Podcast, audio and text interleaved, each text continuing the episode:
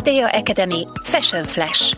Podcast formában tér vissza a Magyar Divat és Design Ügynökség népszerű rendezvénysorozata, a Fashion Flash. Az online kerekasztal beszélgetések a kreatív ágazatot érintő aktuális kérdésekre reflektálnak. Sziasztok, én Alberti Petra vagyok, a Joy és Instein magazinok főszerkesztője. Szeretettel köszöntök mindenkit a Fashion Flash következő podcast beszélgetésében, hol is a fiatal magyar tervezőket mutatjuk be, illetve ismerjük meg. Röviden mutatkozzatok be, és meséljétek el, hogy uh, hogyan is kerültetek közel a divat szakmához. Kezdjük veled, Anna, légy szíves. Nagyon bumoztak. Schneider Anna vagyok, és idén diplomáztam a MOMEL mesterképzésén.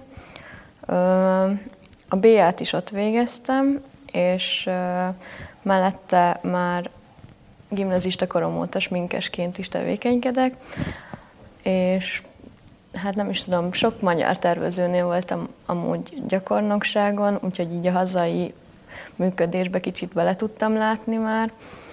Ezen kívül Helsinki-ben voltam Erasmuson, és akkor így abba az oktatási rendszerbe is kicsit bele tudtam látni. Egyébként pont a te diplomunkádat azért ismerem nagyon jól, mert pont az Instán nyári lapszámában, ahol friss végzős moméseknek a munkáját mutattuk be párat, azok között te is ott voltál, de azért kérlek, akik esetleg nem ismernék, kicsit mesélj a diplomamunkádról. Ó, jó.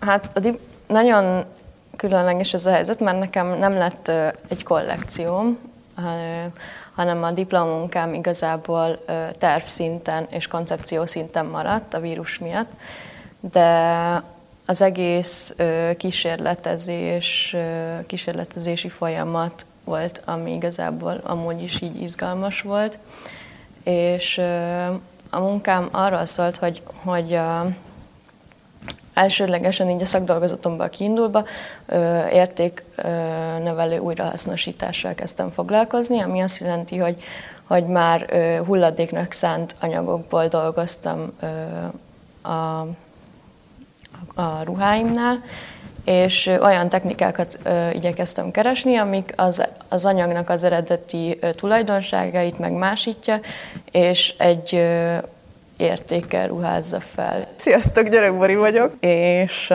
tavaly végeztem a Momén mesterszakon.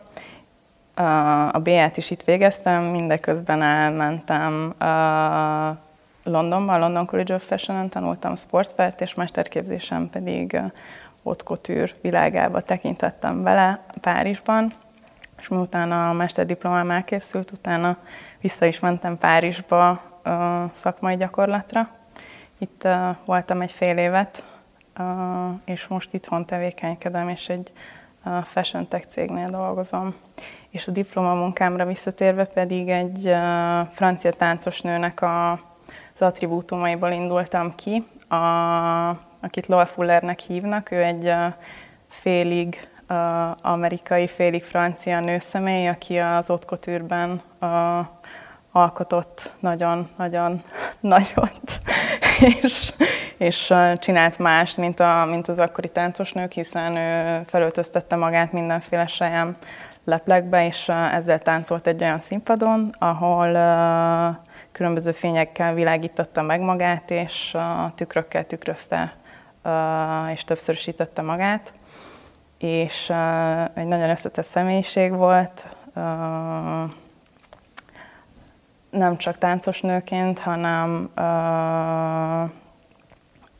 business ladyként is funkcionált, illetve nagyon sokszor ő találta ki a, a táncmozdulatokat, és az ő személyiségéből született egy olyan kollekció, ahol, ahol a karakterjegyeit építettem bele.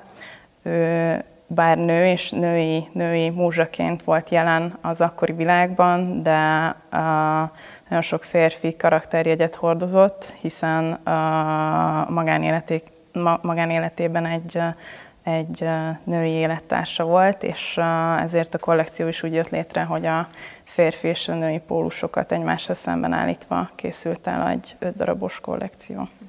Sziasztok, István Fiamma vagyok. Én Londonban tanulok a University of Westminster-en, most végeztem el a második évemet. 15 éves korom óta gyakornokoskodom magyar tervezőknél, és utána mióta ugye Londonban élek, ott is dolgoztam már tervezőknek, meg ugye London Fashion Week-en, és most ugye a vírus miatt hazajöttem nyilván, hogy itthon legyek, és ez idő alatt kezdtem el Valentinnel felépíteni a Terike from Budapest platformot, ahol magyar tervezőket, fiatal tervezőket, frissen diplomázottakat, akár még egyetemen tanuló diákokat szeretnénk támogatni azzal, hogy bemutatjuk a munkáikat, illetve kollaborációkat találunk ki ezen keresztül, és ezt, ezen dolgozunk most jelenleg. Én pedig Szerves Valentin vagyok. Tavaly diplomáztam alapképzésen a Moharin egy művészeti egyetemen, ahol öltözék és mintatervezés specializáció voltam. Igazából szerintem így az én munkáimra nagyon jellemző ez, hogy a, magát a printeket és a formákat próbálom ötvözni. A diploma kollekcióm pedig Bakimre egyik festményéből inspirálódott. Ugye az alapképzésen így központi témakör van kiadva, szóval, hogy így um, itt a Magyar Nemzeti Galériában kellett választanunk egy festményt. Um, alapvetően a kollekcióm, mind a mint, mint az öltözék, a 70-es éveket vizsgálta, illetve a 70-es években ugye közízni, vagy 70-es évek közíznését. Általánosságban megfogalmazott véleményeket az éppen aktuális művészetekről, és ezeket próbáltam valahogy kontrasztba állítani és megjeleníteni. Köszönöm szépen a bemutatkozásokat. A tervezők számára sok lehetőség adott mondjuk akár az, hogy bemutatón sikerül bemutatniuk, akár az, hogy mint a Terike Budapest projekt, vagy valami hasonlóban megmutatkozhatnak, bekerülhetnek magazinba, akár mint, mint interjúalanyok, mint ahogy ugye Annával is történt, illetve hogy a diplomunkáját mutatta be, akár úgy, hogy már maga az általuk tervezett és készített ruha bekerül mondjuk egy divatanyagba, hogy szerintetek ez mennyit tud hozzátenni ahhoz, hogy a, a márkátok, meg a munkásságatok tudjon fejlődni, meg hírt kapni? Szerintem minden ilyen divat bemutató uh, hozzásegít minket egy kicsit a az előrelépéshez, mert ezen keresztül aztán jönnek új ismerettségek, megkeresések, akár színházakba, vagy magazinokba, vagy egy másik divatbemutatóra. Nekem így volt szerencsém a, szintén a HFD közvetítésével az International Young Designer Contestra eljutni Kievbe, tavaly nyáron, ha minden igaz.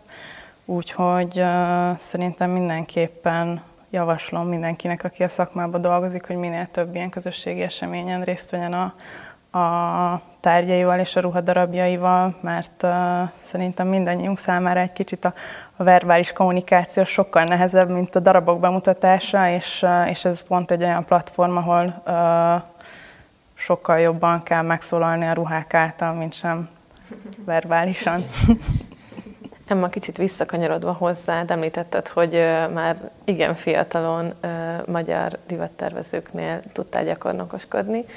Egy kicsit mesélj arról, hogy, hogy mennyit tud segíteni az, hogyha erre mondjuk nyitottak a magyar tervezők, illetve hogyha mondjuk konkrét olyan mentorprogram van, ami, ami segíti azt, hogy tapasztaltabb tervezők munkájából lehessen tanulni, illetve inspirálódni. Hát szerintem én amikor ezt az egészet megfogalmaztam magamban, hogy szeretnék divattervező lenni, nagyjából 9 éves voltam szerintem, de ráadásul ez is pont úgy történt, hogy volt egy valamilyen divat, vagy design hét, már nem is emlékszem, mert ez nagyon rég volt, de ott voltak ilyen nyitott showroomok több tervezőnél, és ott el lehetett látogatni, és megnézni, hogyan készülnek a ruhák, és ez nekem nagyon tetszett, és elkezdtem ezzel az egésszel foglalkozni, és 15 évesen azt éreztem, hogy előttem van a nyár, szeretnék valami újat tanulni, vagy szeretnék jobban belátni ebbe a szakmába, és elkezdtem e-maileket küldeni egy csomó magyar tervezőnek, és hála az égnek válaszoltak, többen is, és akkor így, így elmehettem például Tomcsányi Dórihoz, és nála tanulhattam, szerintem nála voltam legalább egy hónapot, vagy egy kicsit többet, és igazából nekem az az első élmény arra volt jó, hogy láttam, hogy tényleg hogyan működik egy, egy divatcég, ott egyébként nagyon sok izgalmas feladatot is kaptam, tehát szabhattam is, meg kicsit varhattam is, meg nyilván asszisztálhattam különböző feladatokhoz, és szerintem ebben nagyon sokat tud tanulni az ember, és későbbiekben volt több ilyesmi feladatom még, és amikor pedig az egyetem során kellett mennem gyakornokoskodni, mint így a kurzus része, ezt már Londonban, akkor pedig egy kicsit nagyobb cégnél voltam, és ez is azt éreztem végig, hogy például a szakmai gyakorlatból sokkal többet tanul az ember, mint mondjuk az egyetemen, hiszen a valójában kell alkalmaznia a tanult dolgokat, és közben egy csomó mindenre rájön. Illetve szerintem az egyetemen azért mindenki egy kicsit egy buborékban van, hiszen olyat tervezhetsz, meg olyat csinálsz, amit csak akarsz, és nem kell például az eladhatóságra feltétlenül gondolni, amíg nyilván egy cégnél ezt nem lehet csinálni, hiszen ő nekik meg kell élniük valamiből, és ott már arra kvázi arra vagy nevelve, hogy tényleg olyat, olyat tervez, olyat csinálj, vagy olyanon dolgozz, ami utána eladható lesz, és tényleg um, lesznek rá potenciális vásárlók. Szóval szerintem egy szakmai gyakorlat ezért tud nagyon hasznos lenni, mert teljesen másképp nézel a tervezésre, meg az alkotásra, mint az egyetemen. Um, illetve nyilván kapcsolatépítés szempontjából is nagyon hasznosnak tartom, hisz az, hogy az embernek legyenek megfelelő kapcsolatai, azok nagyon fontosak, hogy utána a diploma után el tudjon helyezkedni. Tehát én azért gondolom azt, hogy a szakmai gyakorlat az egyik legfontosabb része az egyetemnek, mert akkor épül fel a kapcsolati rendszered, és akkor tanulsz meg egy csomó dolgot, amit később hasznosíthatsz. Valentin, neked van hozzá még valami gondolatod? Egyébként én is 14 éves koromban, én már középiskolában és ruhaipari szakközépiskolában jártam, szóval nem is ez ilyen nagyon korán kezdődött már. Um, és hogy én 14 évesen ugyanezt a kört futottam le, hogy küldtem az e-maileket tervezőknek, és egyébként egyetlen egy tervező válaszolt. Sermán Nóra volt, és utána, utána így négy-négy és fél évet gyakornokoskodtam nálam. És hogy ebből így nyilván rengeteget tanultam meg, hogy ez már egy olyan szoros kapcsolat volt a végére. Csomó mindenben bepillantást nyerhettem, és így nem feltétlenül csak annyi, hogy így csipkéket várok, hanem hogy egy csomó minden háttérben zajló folyamatban is. Szóval ez egy izgalmas volt. Feltételezem, hogyha hozzád, vagy hozzátok bejelentkezne valaki, hogy gyakornokoskodni szeretne, majd a márkátoknál, akkor erre nyitottak lesztek? Abszolút. Bori, te már nagyon szépen elkezdted mondani, még amikor a bemutatókról beszéltünk, hogy, hogy minden ilyen lehetőséget tanácsolsz a többieknek is, hogy ragadjanak meg és aknázzanak ki. Szerinted mit lehet egy mentorprogramból meríteni, illetve mi az, amiért érdemes mondjuk egyáltalán jelentkezni, megpályázni? Igen, ősszel részt vettem egy mentorprogramban, szintén itt, és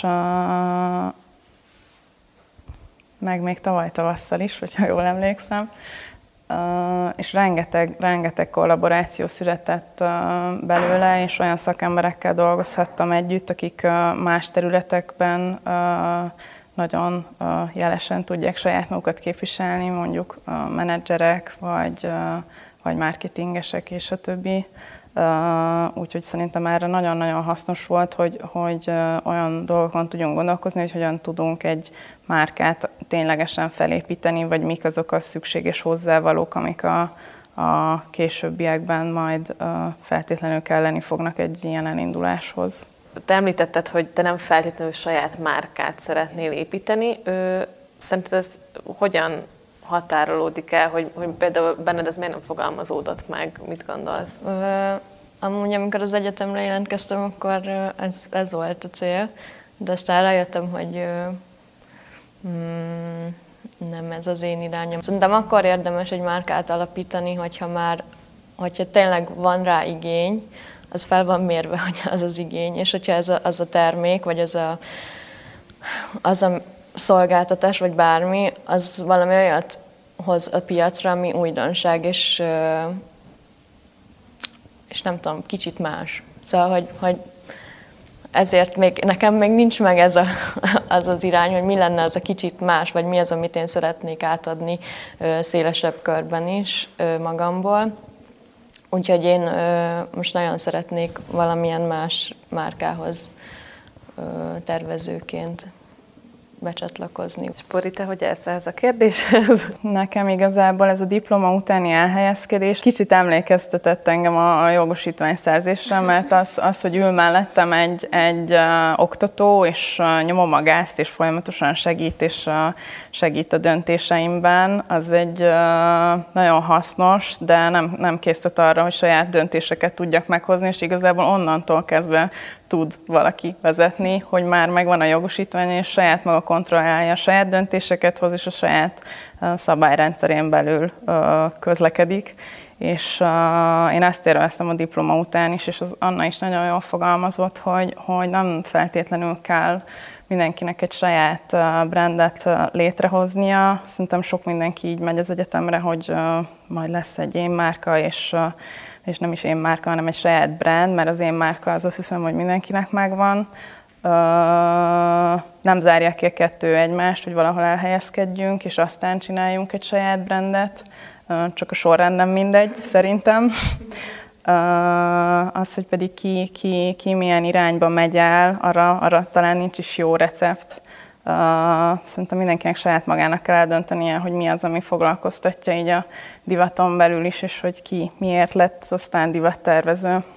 Mert hogyha én visszaemlékszem, és egyébként nagyon érdekes, mert én a mesterdiplomám alatt jöttem rá, hogy igazán, hogy miért akartam divattervező lenni mert uh, nálam is így korábban jött ez az egész elő, már így általános iskolában, meg gimnáziumban, ez a a társadalmi rétegekhez való csatlakozás és a baráti körökhöz való csatlakozás, de meg, is akartam magamat különböztetni, és ezt legjobban az öltözékem által tudtam elérni, hogy egy kicsit más, hogy már akkor elkezdtem varrogatni, hogy egy kicsit más legyen, ne legyen már ugyanaz, ne jöjjön szembe.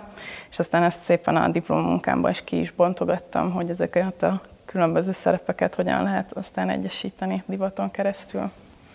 Valentin, azt jól tudom, hogy te a saját márkád építésén dolgozol. Te miért döntöttél úgy, hogy a saját utat választasz, helyet, hogy valakihez mondjuk becsatlakozz? Én alapvetően azt gondolom, hogy a kettő mondjuk nem feltétlenül zárja ki egymást, ezt, hogy én most a saját brandem építésen dolgozom, ez így, nem tudom, nyilvánvalóan ez így Magyarországon tud jobban épülni, és hogy így külföld felé annyira nem tudok még nyitni már, hogy így nem annyira van kapcsolatrendszeremként.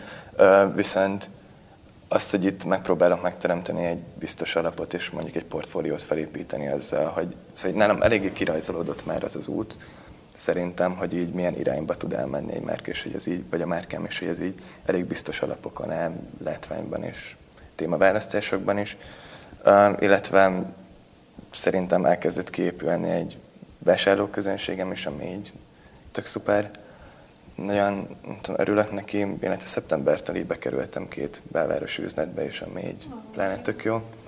Um, és hogy szerintem így emellett még külföld felé valószínűleg nyitni fogok, így nem tudom, gyakornoki pozíció. Vagy, szóval én, én azt gondolom, hogy persze lehet először gyakornoki státuszban kezdeni valahol, és csak utána saját brandet alapítani, de hogy szerintem ez fordítva is működhet.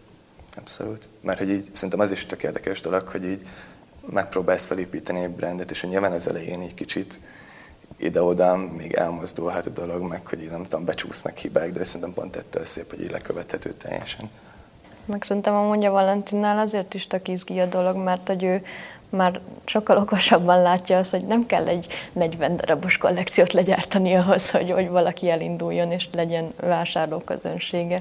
Mert kicsit azt érzem, hogy itthon így sokan ebbe fulladnak bele, hogy legyen egy ilyen nagy kollekció, azt mutassuk be egy bemutatón, de hogy a mögött nincs egy ilyen jól átgondolt és egy ilyen lépésről lépésre való mozgás. És Emma, neked mi a terv, illetve már maga az, hogy a Terike from Budapest is egy brand, ami a többi márkát mutatja be és támogatja, szóval már azzal elkezdtetek egyfajta brandépítést, de saját saját neveden esetleg tervezel -e? Mert azt tudom, hogy ugye, ahogy mondtad is, hogy ugye már elég korán elkezdtél, elkezdtél divattal foglalkozni, mert kitaláltad, hogy ezzel szeretnél foglalkozni, és ha jól tudom, akkor sokáig egyébként a saját neveden ugye a közösségi médiában is így építetted magadat. Igen, igen. Hát én azzal kezdtem, hogy divat blogoltam amúgy így 8 évig, 10 évig, már nem is tudom, de nagyon sok ideig, és eleinte én is azt gondoltam, hogy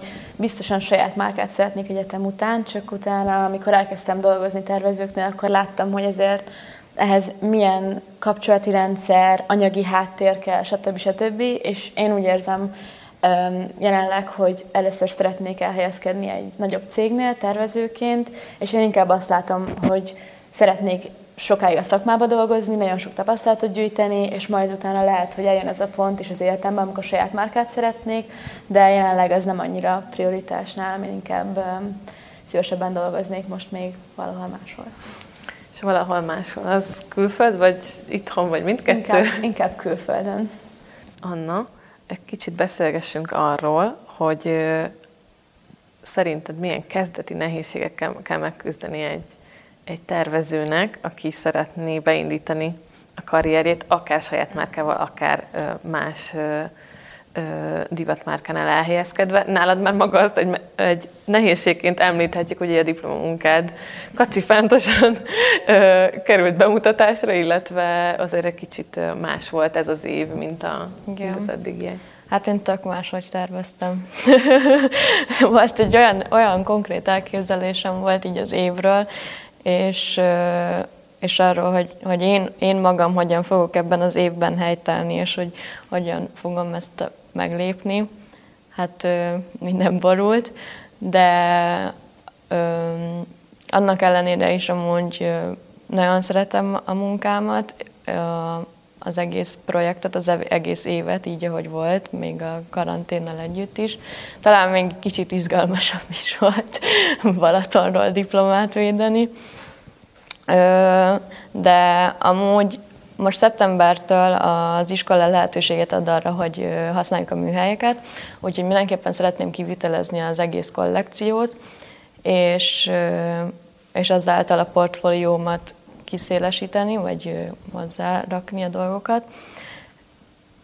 És nem tudom most, hogy, hogy mennyire lesznek ö, pályázatok, mert most lát, amiket így néztem, így nagyon soknál ö, vagy elmarad, vagy még nem tudták kitűzni, hogy akkor mikor lesz új pályázat, hogy akkor hogy lehet a jelentkezni. Úgyhogy azt szeretném, hogyha a, a munkám, diplomunkámmal már minél több ilyen helyre tudnék nevezni, Ö, és hogy mik a nehézségei ennek, hát most jelenleg ez a nehézsége, de amúgy meg igazából az önbizalom hiány a legnagyobb nehézség, én azt gondolom.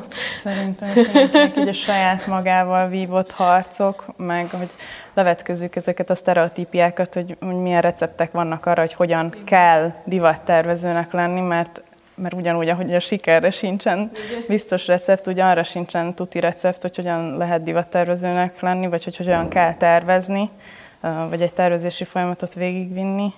Úgyhogy uh, szerintem miután mindenki ezt saját magának meghatározza és letisztítja, hogy mi az ő útja, úgy el kell kezdeni rajta szépen lassan lépegetni.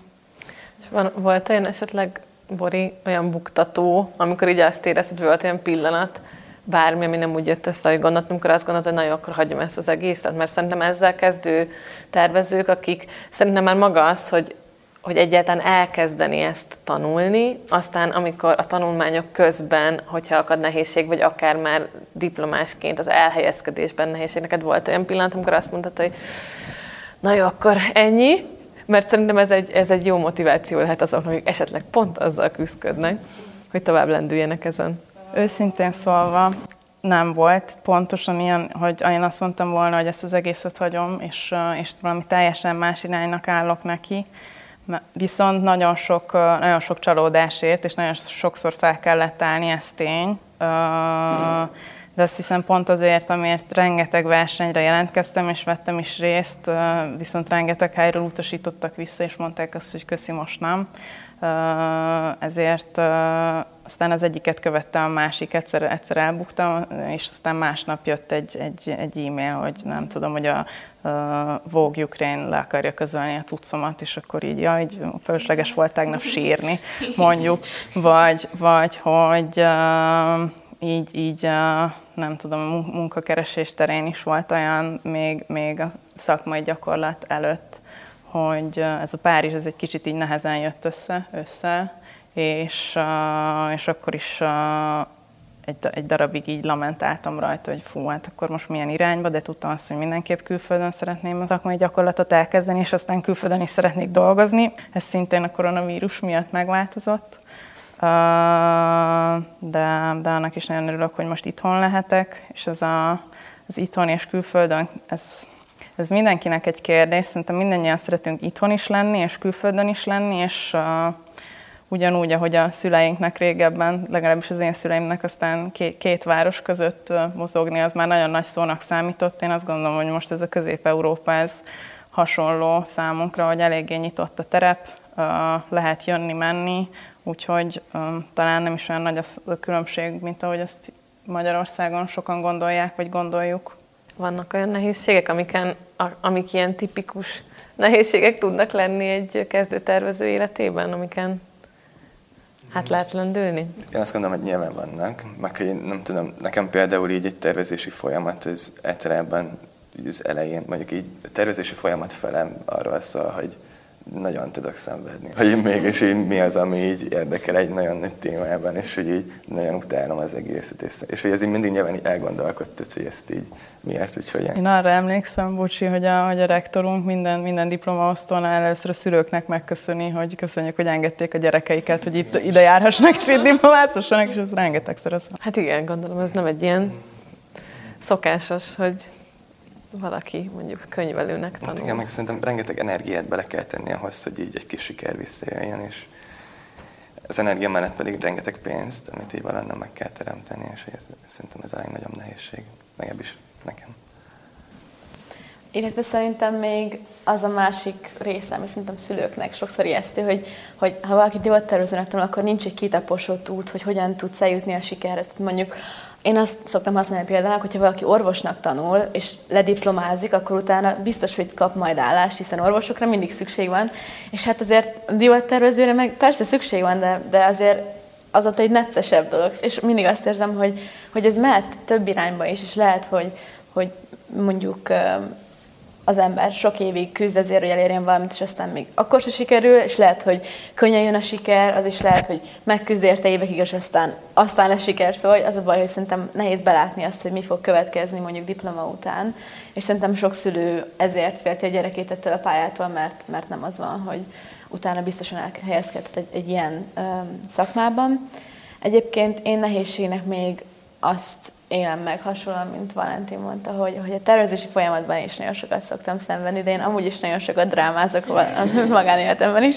Tehát, hogy én, én is nagyon drámaian tudom megélni azt, hogyha valami nem sikerül, vagy, vagy valamit rosszul varrok meg, vagy, vagy valami ötlet nem akar fejlődni tovább, de, de hogy egyébként szerintem én például azért szeretek most még így az egyetemen dolgozni ezeken a projekteken, mert nagyon támogatóak szerintem például az osztálytársaim, tehát nem tudom, hogy itthon ez hogy milyen a, a, például a momén, de én azt találom, hogy mondjuk kint külföldön nekem ezen az egyetemen nagyon jó barátaim lettek, akik nagyon támogatóak, és, és szerintem tök jó, hogy képül egy ilyen közösség uh, már egyetem alatt, és, uh, és tényleg, hogyha valaki sír a sarokban, a stúdióban, akkor tuti valakire fog menni megvigasztalni, de azért ez tényleg egy stresszes, stresszes pálya, de mondjuk hát melyik nem az, de ez elég nehéz tud lenni már a munkafolyamat is. Beszélgettünk már arról, ugye, hogy egy mentorprogram mennyit tud segíteni az eltervezett karrierút építésében. Ugye beszélgettünk arról is, hogy ha valaki gyakornokként el tud helyezkedni, ez mennyit számít. De szerintem a 21. században eléggé fontos tényező az is, hogy mondjuk sokan akárha nem is a saját nevük alatt futó márkát képviselnek, de az ahogy Anna is említette egyébként, hogy az én márka, a personal branding, az egy nagyon fontos szerintem is elvárás most már a, a tervezőktől, hogy, hogy képviseljék magukat, láttassák magukat a közösségi médiában, úgyhogy most egy kicsit nálatok is maradnék ez ügyben, Emma, hogy ugye a Terike from Budapest az is tulajdonképpen pont egy olyan közösségi platform, ami láttatja az egyébként talán még nem annyira ismert tervezőket, és szerintetek miért fontos az, hogy ilyen jellegű láthatóságot biztosítsatok? Hát szerintem egyrészt vannak azok a fiatal tervezők, vagy egyetemisták, akiknél egyértelmű, hogy szerintem nagyon ügyesen tudják magukat felépíteni, és nagyon jó használják a social médiát, és nyilván nekik is ettől függetlenül szükségük van a, arra, hogy megosszák a platformokon a munkáikat, de közben meg van az másik öm, kategória, aki viszont még kevésbé magabiztos ebben, vagy, vagy nincs elég önbizalma az, hogy a saját munkáját annyira promótálja, vagy egyszerűen nem annyira foglalkozik ezzel az egésszel, viszont mondjuk zseniális dolgokat tervez, és mi szeretnénk mind a két um, csoportot megszólítani, vagy mind a két csoportot nyilván promotálni, hiszen azt gondolom, hogy ha valaki nagyon mondhatjuk így, hogy nagyon nyomja magát, és látszik, hogy nagyon öm, törekszik arra, hogy ő tényleg befusson, meg, meg megmutatja, hogy ki ő és miek a munkái, akkor egyrészt ő is azt gondolom, hogy megérdemli, vagy hogy ö, neki is szükség van erre a platformra, erre a Terike from Budapestre például, bár nyilván vannak hasonló platformok máshol is, de nagyon sokaknak szerintem kell egy ilyen löket is, hogy figyelj, megtaláltam az Instagramodat, mert kukkoltalak, és rájöttem, hogy fú, neked nagyon jó a munkád, és szeretnénk reposztolni tőled ezt a képet, mert, és, és egy csomó embernek ez például nagyon nagy löketet ad, hogy fú, tényleg, és hogy azt érzed, hogy ezek közé, az egyetemista vagy fiatal tervező közé én is így beleélek ebbe a képbe, és nagyon sokan ennek így örülnek, és utána többet posztolnak mondjuk a munkáikról, legalábbis én sok embernél ezt vettem észre. Uh, úgyhogy szerintem egyrészt egy ilyen önbizalom kérdés is ez, meg sokszor ez mondom egy ilyen jó löketet ad, hogy így mondjuk valakire posztolunk, de közben meg nyilván uh, jött egy csomó olyan visszajelzés már a szakmától is, hogy um, magazin szerkesztőktől, hogy itt találtak meg valakit, hogy például Terike from Budapest oldalon látták, és aztán írtak neki, bekerült a magazinba, stb. stb. Tehát sok ilyen lehetőség is születik már most a Terikéről, vagy a terikén keresztül, pedig hát júniusban kezdtük el az egészet. És Valentin szerinted így a 21. században akár most vegyük az Instagram platformot, hogy még milyen kiaknázható lehetőségek vannak, amik akár mondjuk egy pár tíz évvel ezelőtt még nem álltak rendelkezésre a tervezőknek, hogy népszerűsítsék magukat. Én a legfontosabbnak az Instagramot látom, de hogy alapvetően nyilván egy csomó platform lehet, de így, nem tudom, attól függ szerintem, hogy ki mit használ, hogy milyen célközönséget szeretne elérni. Néha vannak olyan érzéseim, amikor azt gondolom, hogy, hogy ez nagyon fontos, van, amikor ez egy kicsit háttérbe szorul, és akkor nem nyúlok hozzá, és egyébként minél kevesebbet használom a social médiát, annál több mindent csinálok a magánéletemben is, és a szakmában is, mert valószínűleg annyi mindent kell csinálni, úgyhogy inkább akkor szorul háttérbe, és sokszor uh, van olyan, hogy a napomban alig találok öt olyan percet, amikor jó, most akkor ezt most már kirakom ezt a posztot, mert, izé, mert most már nem raktam ki semmit, nem tudom, két hete, és ez már gáz és, és akkor így próbálok odafigyelni, hogy tényleg legyen legalább olyan öt perc, amikor egy kicsit rászánok erre egy kis időt. Van, amikor ezt egy kicsit kevésbé szívesen csinálom, már így azt, azt érzem, hogy muszáj. Van amikor, van, amikor így ránézek, és akkor így tökre tetszik, hogy jó Instagram képek egymás mellett, jól néz ki, akkor izé szeretem csinálni, és amúgy összegyűjtögetem, és eltöltök vele egy fél napot. Ilyen már nem volt szerintem három-négy hónapja. de, de én is azt gondolom, hogy ez a personal branding, ez, ez mindenkinek iszonyatosan fontos, az, hogy hogyan reprezentálja saját magát, hogyan nyilvánul meg olyan platformokon, ahol, ahol akárki megnézheti és megfigyelheti, vagy kukkolhatja, mert ez a későbbiekben mindannyiunknak nagyon fontos lesz, és fontos is, és nem csak az Instagram, szerintem főleg, hogyha más, más nagyobb márkánál szeretne valaki elhelyezkedni, akkor innen üzenem, hogy LinkedIn-t mindenki csinálja ezerrel, arra is figyeljenek oda, persze ez is plusz idő, meg plusz energia, de, de hogyha nemzetközi porondon szeretnének valamit alkotni, akkor ezt nagyon fontosnak tartom. És Boris, szerinted, hogyha nem is az Instagram feltétlenül az a platform, ahol, ahol éled a mindennapjaidat, de hogy, hogy mi lehet az, ami, mert már korábban mondtad, hogy ez például milyen nagy dolog volt, mikor, mikor mondjuk egy Vogue Ukraine lehozza az egyik cuccod, hogy téged idézelek, hogy, hogy mi az, ami, amit így, így mondjuk így az öt éves terven belül el tudnál képzelni, hogy ez egy ilyen wow, élmény lenne így a szakmai karrieredben? Én most, én most nagyon élvezem azt, hogy nem csak a saját márkámon dolgozom, de egyébként lesz össze egy bemutató Lengyelországban, aminek nagyon örülök, és közben háttérben ezzel is foglalkozok egy eléggé minimálisat. De ahogy Emma is mondta, hogy, hogy nagyon hasznos az, hogy más cégeknél elhelyezkedjünk. Én most a más cégeknél való elhelyezkedést tartom előnyben, mert nagyon sokat tanulok, fejlődök, sok emberrel találkozom, és, és nemzetközi porondon lehet mozgolódni ezeknek a segítségével. Anna, még hozzád szegezem azt a kérdéskörömet, hogy, hogy egyébként a HFDA is sokat foglalkozik azzal, hogy, hogy fiatal tervezőket akár a Young Talents bemutató, akár mondjuk ez a podcast, ahol, ahol fiatal tehetséget lehet megismerni. És szerinted mennyire van most divatja annak egyáltalán, hogy, hogy magyar tervezőt, vagy magyar képzőművészt, magyar ö, alkotót vásároljanak az emberek, és neked egyébként van-e akár, akár így a munkádból adódóan, vagy a tanulmányaidból adódóan, vagy személyesen ilyen jellegű tapasztalatod?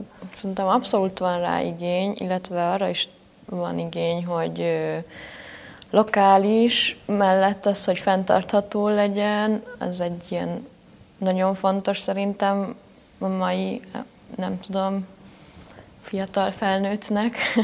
Bori, mit gondolsz szerinted, hogy mennyire van akár egyébként nem is feltétlenül csak a, a vásárlók környékén, hanem már maga az, hogy mondjuk így mennyivel van, mert szerintem egyébként látványos a magazinokban is, hogy, hogy egyre több magyar tervezővel foglalkoznak, egyre több magyar képzőművész alkotásait mutatják meg.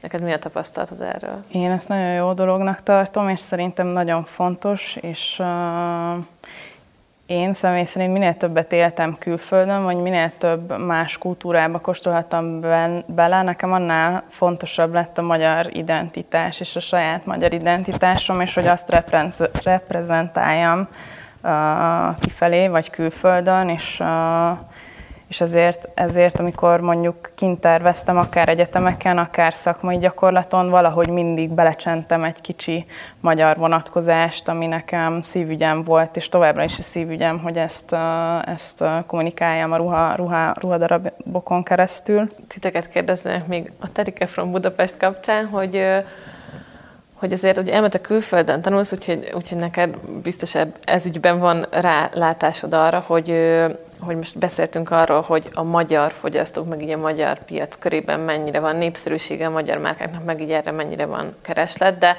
külföldön magyar márkára mit gondolsz? Mennyire van nyitottság? Vagy mennyire cool dolog mondjuk az, hogy, hogy valaki mondjuk egy magyar tervezőt, hogy magyar dizájnert Szerintem abszolút van rá uh, igény külföldön, meg, meg hogyha valami mondjuk made in Budapest, ez nagyon cool, meg, meg abszolút szerintem érdekli az embereket. Um, illetve nyilván nekik is így azért külföldön nagyon megy nyilván szinte ez a fenntarthatóság, meg, meg hogy um, etikus helyen, módon legyen gyártva az adott ruhadarab.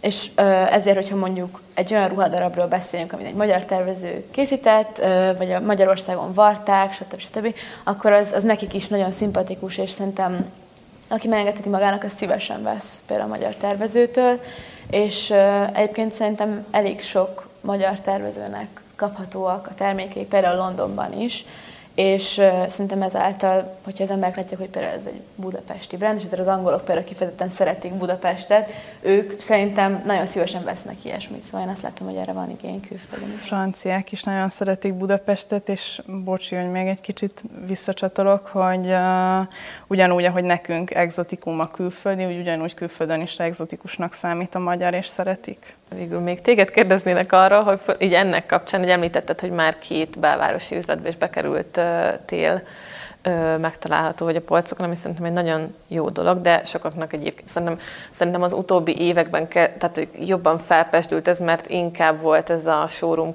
kultúra sok nagyobb magyar tervezőnél is. Szerinted mondjuk akár egy, akár egy bemutató, ugye már a Young Talentről beszéltünk, vagy, vagy akár ez, hogy polcra kerültél, ez mennyiben segíti azt, hogy, hogy jobban elérhető legyen, meg jobban megismerjenek, akár hazai, akár külföldi vásárló. Itt nyilván ez egy nagyon nagy erő, előrelépés mindenféle szempontban.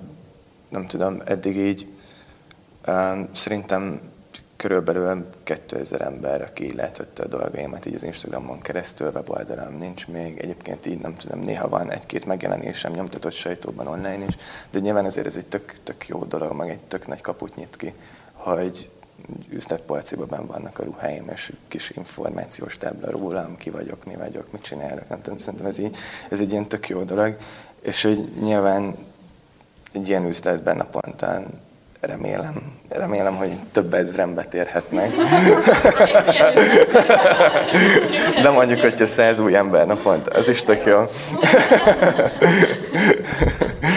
Én nagyon bizakodó vagyok. Szóval nyilván nem tudom, ez egy előrelépés olyan szempontból, ha sokkal láthatóbb helyen meg tudja, és kézzel foghatóan meg tudják nézni. Meg egyébként, fontos. bocsi, mondjad. Ennyi, hogy... Meg egyébként szerintem nagyon nehéz ezt fenntartani, mert oké, okay, hogy egyszer-kétszer bekerülünk, és ott a cucc, és nem tudom, és egyébként közben egyetemre járunk, és a következő kollekciót csináljuk, és az is bekerül, de nagyon nehéz ezt az állapotot fenntartani, hogy legyenek megjelenések, akár nyomtatott, akár online, színházak megkeressenek, filmbe kérjék, fotózásokra, és, és közben egyébként már a következőn gondolkozzunk, hogy a másfél év múlva mi az, amit meg akarunk csinálni, és milyen kollekciót akarunk létrehozni. Úgyhogy ez egy nehéz folyamat, ami, ami, ami szerintem soha nem áll meg. Ez nagyon szép végszó volt, úgyhogy ezzel le is kerekíteném a beszélgetésünket. Ezúton is nagyon sok sikert kívánok nektek a tanulmányaitokban, a saját márkátok építésében, illetve a szakmai előrelépésetekben, és remélem, hogy, hogy ebben egy kis segítséget tudott nyújtani akár ez a beszélgetés is.